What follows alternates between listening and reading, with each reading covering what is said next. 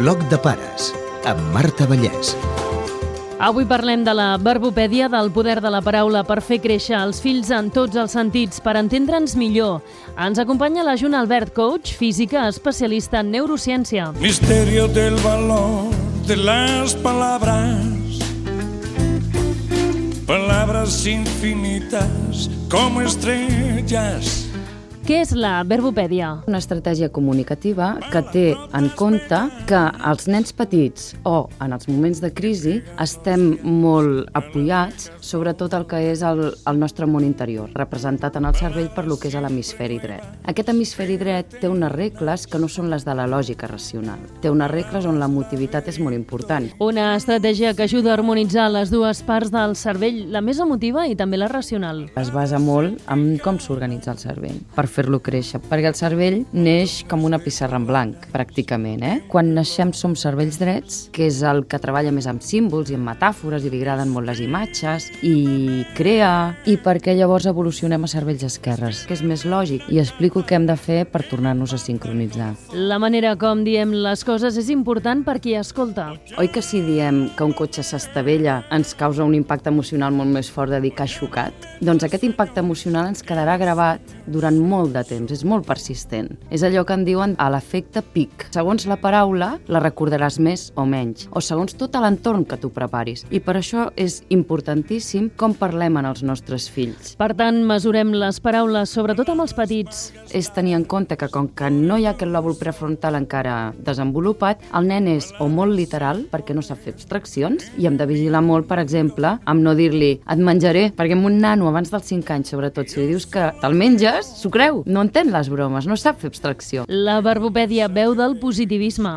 I diria que ve de conèixer cada vegada millor el cervell. Psicologia positivista, jo crec que quan va sortir s'apoyaven en el que veien, però no en el que ara sabem del cervell. Sabem que és molt important el feedback positiu. Estem més preparats per veure el perill que el bo. Què vol dir això? Que hem de ser molt positius perquè lo natural és navall. A nivell psicològic també lo natural és navall. Però si ens preparem des de petits, al final resulta que lo natural és en amunt. Però la verbopèdia va més enllà de les paraules, és treballar en positiu, explorar, ser persistent. Quan els nanos són petits, preparar-los perquè tinguin ganes d'explorar i com aquell que obre va rascant el rasca-rasca, per més fracassos que tingui, oi que diríem que cada rasca que no surt és un fracàs? Però no s'atura, perquè sap que hi haurà premi. Doncs és el que hauríem de transmetre als nostres fills, que viure té premi. Creo en la paciencia, temo la palabra, odio la mentira, siempre por la espalda. Creo en la paciencia, temo la palabra, odio la mentira, siempre por la espalda. Creo que I com ho podem posar en pràctica, per exemple, en moments de crisi?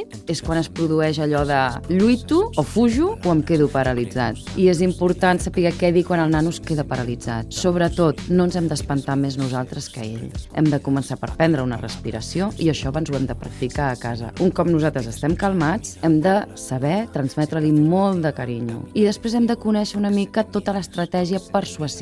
I si el nen o la nena es fa mal? Distreure el seu focus d'atenció. Si li fa mal un braç, preguntar-li per l'altre que no li fa mal i dir-li amb convenciment que el seu braç, que li fa mal, aviat estarà com l'altre. No ha de sentir-se el nen enganyat. Podem aprofitar molt la seva capacitat de fantasia i aleshores, si s'ha fet mal, de seguida li pots fer imaginar. Li pots posar colors, li pots explicar una història. És el llenguatge específic del cervell dret. Hem de saber, per tant, quina part domina el nostre cervell. Com ho esbrinem? Comença amb un test de dominància cerebral. Cada un de nosaltres ens domina o la part esquerra superior, o la part esquerra inferior, o la dreta superior, o la dreta inferior. Saber-ho és importantíssim, perquè en aquella persona que es guia més pel futur i perquè imagina i barreja coses, si tu li parles de detalls, us barallareu sempre. Perquè aquella persona és de les que veu el bosc i no veu l'arbre. En canvi, hi ha persones que estarien a l'esquerra inferior que veuen els arbres. I si tu no els expliques arbre per arbre, mai veuran el bosc.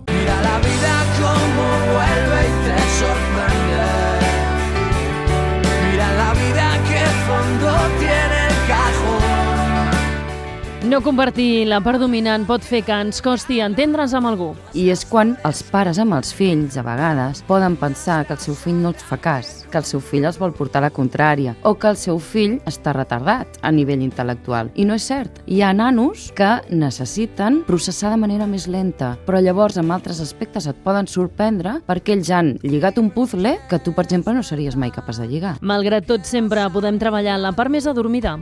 El nostre cervell és plàstic i si nosaltres sabem allò amb el que som forts i ho potenciem, serem més feliços, perquè ho aplicarem a la nostra vida. I si sabem allò en el que som dèbils, també és molt important, perquè llavors estimularem aquella part. Perquè el repte és poder tenir cervell complet. I estimular-lo per superar-nos cada dia. La intel·ligència no és una cosa estàtica, sinó que és un procés, és incremental. Si tu a un nano li dius ets intel·ligent fins aquí i li dones un puzzle per fer, es quedarà tallat i no resoldrà aquell puzzle puzzle. Mentre que un nano, amb el mateix més o menys nivell d'intel·ligència, li dones aquell puzzle complicat, si el nen creu que la seva intel·ligència no té límit, el resoldrà. O com a mínim resoldrà més part d'aquell puzzle. Quan comprenem els altres és més fàcil conviure. La meva vida va canviar en el moment en què vaig ser conscient de com era jo i de com era la meva mare, per exemple. Va ser com un efecte catàrtic de dir, ara ho entenc. Això no vol dir que t'enganxis allà mateix, però tu un cop saps allà on t'enganxes el motiu que té, estàs molt més tranquil. No et poses tan nerviós i a més després pots començar a treballar-ho. I pots pactar unes normes que inclús les pots muntar com un joc. Ei, procura en a mi les preguntes, comença-les així o comença-les així perquè si no, no t'entendré. Compte amb les paraules poden acaronar però també ferir perquè els nanos petits es deixen guiar moltíssim i són molt suggestionables. Per això és molt important amb un nano petit mai fer-lo sentir humiliat, que mai se senti culpable. Una altra cosa és que se li hagi de dir això és millorable o aquí no has complert la teva responsabilitat, però no li podem dir tu ets tonto o tu no ets intel·ligent. He trobat paraules que fereixen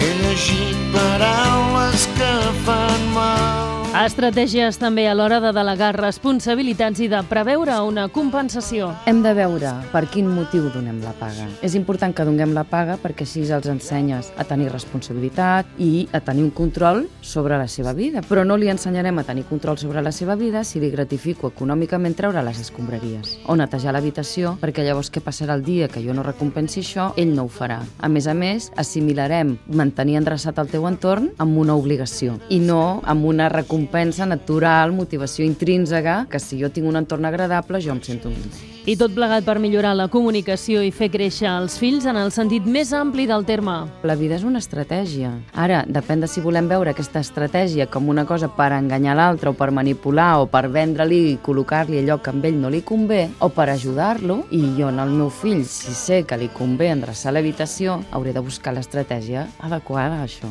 Però jo sé que al final ell sentirà els efectes positius de mantenir l'entorn adequat. Molta gent quan té liu el coco comença a endreçar perquè veure net fora fora, tu comences a ordenar-te per dintre i al revés, la persona que és un caos per dintre crea el caos fora. Està tot connectat. Treballar en positiu, cuidar les paraules i animar-los a experimentar la sobreprotecció ens limita. Tots portem una llavor que hem de fer fructificar. És el que en diem els nostres potencials innats. I si els volem protegir massa o els hi venem que el món és molt trist i que sempre guanya el món, això no ho desenvoluparem mai. No pots protegir el fill de los sinsabores que diuen de la vida, perquè hi són. Ensenya-li a veure que com que això hi és, tots nosaltres podem projectar, podem esperar, podem imaginar i podem construir, podem crear el que vulguem. Hem d'aprendre dels errors de cada cop, de cada fracàs, tornar-se a aixecar. Инстаграм. Quan el fill és petit, ell encara no sap com reaccionar davant del món. I som nosaltres eh, que li estem dient com ha de reaccionar. Si ell ens veu que ell cau i nosaltres comencem a dir ai, t'has fet sang, què farem? Pensant en el pitjor, li estem creant aquesta manera de reaccionar davant del món cada vegada que tingui una petita crisi. Pot ser que es transformi en un adult que des de fora sembli que controli, però en el moment en què desapareix una mica el control del neocòrtex, perquè hi ha crisi, perquè hi ha angoixa, perquè hi ha estrès, aquesta persona ja adulta recaurà en aquestes reaccions infantils. La verbopèdia ens enforteix, ens empenya a ser resilients, a treure la millor lliçó fins i tot en els pitjors moments. Hem d'estar preparats per poder-li dir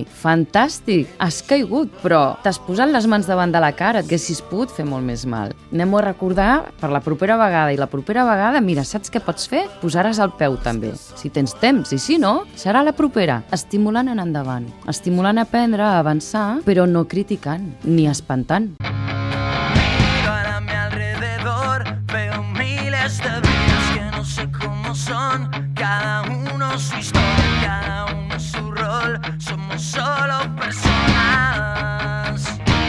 Saber més coses?